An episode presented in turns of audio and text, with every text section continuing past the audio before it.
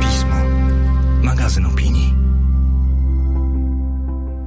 Wiersz na poniedziałek, czyli zacznij swój tydzień od poezji wybieranej i omawianej przez redaktorkę naczelną pisma. Nazywam się Magdalena Kicińska i zapraszam do słuchania podcastu. Partnerem cyklu jest Instytut Kultury Miejskiej w Gdańsku, organizator festiwalu Europejski Poeta Wolności.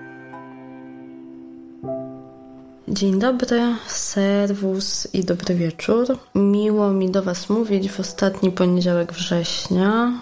Zaczyna się jesień, kończy się lato, chociaż kiedy to nagrywamy, kiedy do Was mówię, to letnia aura jeszcze nie opuściła śródmieścia Warszawy, gdzie pod mieszkaniem Tadeusza Konwickiego, dokładnie pod mieszkaniem sobie siedzimy z Jakubem Dowgirtem i nagrywamy ten podcast. Ja jeszcze w letniej sukience, kolorowo staram się zatrzymać babie lata jak najdłużej. Dzisiaj chciałabym Wam opowiedzieć o poezji tak zwanego małego języka, to znaczy języka używanego przez ludność małego kraju, mało rozpowszechnionego na kuli ziemskiej. O poezji małych języków opowiem też niedługo kolejnym jesiennym, późno jesiennym odcinku, bo jest ku temu powód konkretny, ale jest też mniej konkretny, a bliski pismu powód, bo poezję małych języków nie tylko za sprawą Europejskiego Poety Wolności i tomików, które nam dostarczył i dostarcza regularnie co jakiś czas, ale też od Was, od osób, które czytają, lubią poezję i podsyłają mi, tak jak ostatnio, poezję karaibską na przykład, poezję z różnych zakątków świata, po którą być może sam sama nie miałabym okazji sięgnąć, a jestem jej ciekawa. I właśnie taka poezja, poezja małego języka, języka łotewskiego, tym razem jeszcze we wrześniowym piśmie do dostania, do przeczytania czy do wysłuchania na stronie się ukazała. A ukazała się dlatego, że warsztaty kultury,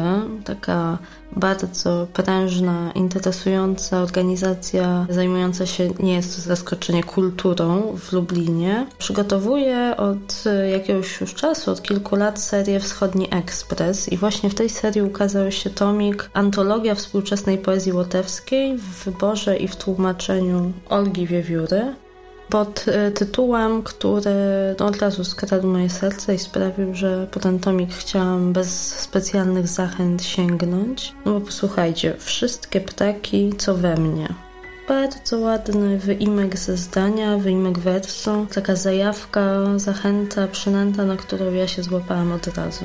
Nie jestem znawczynią łotewskiej poezji, dlatego z dużym zainteresowaniem, zaintrygowana też sięgnęłam po, po, po wstęp do tego tomiku, po takie wprowadzenie autorstwa doktora Marisa Saleisa, które odpowiada tym tekstem, krótkim tekstem na pytania, mogą się pojawić, kiedy słyszymy hasło poezja łotewska to znaczy kim są Łotysze dla Polaków, co łotewska poezja ma w sobie wyjątkowego i czy może polskiego czytelnika zainteresować. I tak jak pisze Salejs, w przeciwieństwie do polsko-litewskiej relacji miłosno-nienawistnej, Łotysze i Polacy relacji tak bliskiej, no z uwagi na to, że nie jesteśmy bezpośrednimi sąsiadami, chociażby nie mają. Natomiast na przestrzeni wieków i o tym właśnie w tej krótkiej przedmowie możecie przeczytać, nawiązaliśmy z Łotyszami bardzo ciekawą więź tak polityczną, jak i kulturalną. Wielu autorów, którzy pochodzą z Ładgali, czyli takiego terenu, który przez, przez chwilę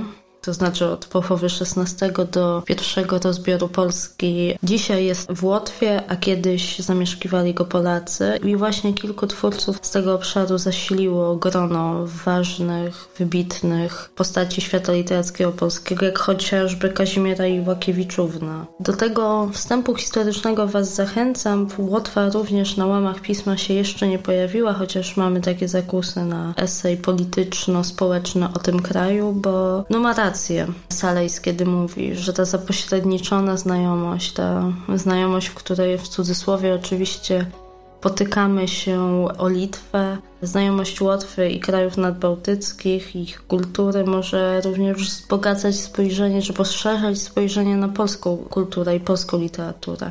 Dlatego zachęcam do sięgnięcia po ten tomik, po przeczytanie wstępu i po takie być może nawet nie chronologiczne, a wybiórcze pierwsze podejście do poezji łotewskiej. Ja właśnie tak ten tomik traktowałam. Leżał sobie na półce i od czasu do czasu zaglądałam na przypadkowej, losowej stronie, też po to, żeby móc obcować z całym bogactwem ciekawych form i, i tematów, i epok, w których tworzą, tworzyli i do których odnoszą się poszczególni twórcy wybrani do tego tomu. I to, co w tych dosyć chaotycznych, anarchicznych wręcz poszukiwaniach dostrzegłam, to bardzo dużo wątków związanych czy odniesień do przyrody, do, do takiego pierwotnego jej stanu, do folkloru, do wsi, bo społeczeństwo łotewskie i tutaj bardzo jesteśmy podobni, to przede wszystkim społeczeństwo chłopskie, więc ta ludowość, folklor w kulturze jest bardzo mocno obecny, również pogańsko-magiczne poszukiwania poszukiwania duchowości, a z drugiej strony niesamowita zwięzłość bardzo wielu języków poetyckich, autorów i autorek zgromadzonych w tym tomie, więc taki balans między rozbuchaną naturą, przyrodą, duchowością, mistycyzmem, sensualnością, a duży reżim e, językowy, rytmiczny, to są moje pierwsze wrażenia po no już trochę trwającym obcowaniu z tą książką.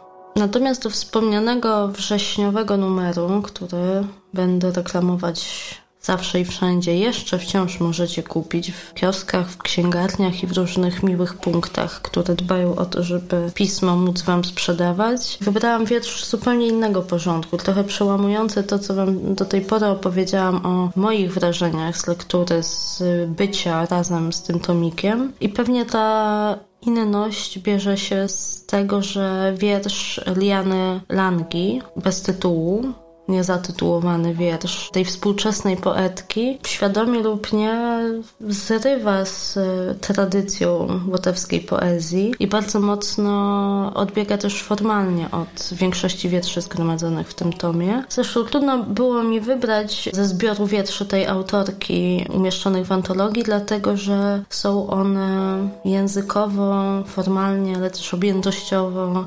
rozbuchane. Łączą się ze sobą, bardzo ze sobą korespondują dlatego trudno jeden z nich wybrać. I pewnie nieprzypadkowo, bo jej twórczość od jakiegoś czasu, jak przeczytałam w biogramie, zmierza w kierunku prozy poetyckiej i poematu. Dlatego właśnie takie wyrwanie jednego fragmentu nie było łatwe, ale myślę, że nawet w tym wyciętym z jej twórczości kawałeczku można dostrzec, że to co lokalne, czyli być może właśnie jakieś odniesienia do głównych tematów łotewskiej poezji, w tym się zawierają, że to co lokalne ona wybiera z tej kultury, przetwarza i próbuje odnieść do tego co uniwersalne, a egzystencjalne tematy łączy z prostymi scenami, obserwacjami codzienności. Dla mnie to poezja dyskretnej medytacji, w której poprzez dzielenie się autobiograficznymi wątkami autorka próbuje opowiedzieć czy pokazać coś więcej, nie skupiać się tylko na tym własnym doświadczeniu, ale próbuje przez to osobiste znaleźć odniesienie do tego, co wspólne nam wszystkim. I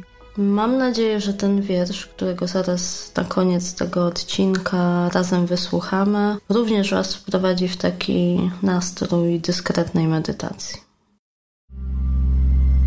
Liana Langa. Wiersz bez tytułu. Czyta Miło Gostreczek. Miasto jak miasto. Trochę pustynia, trochę mrowisko Dzieło człowieka z jego brzydotą i grymasem, na podobieństwo z ramionami atlety. W odgłosach kroków kobiet w butach na wysokich obcasach, w procesie trawienia, krzyku. Tutaj zamiast nas płaczą fontanny i zimą zamarzają w swoim wnętrzu i wtedy są cichsze od ciszy i ulice są miejscem, gdzie zdychasz, gdzie nie wracasz, by zlać się z rozbłyskami neonów i migotać, migotać do godziny zmartwychwstania. W świątyni Harlemu stoi czarny Chrystus z białym koźlęciem na wychudłych ramionach. saksofony zatrudniono do prywatnego życia. Tak rzadko widuje się je tutaj, spacerujące razem.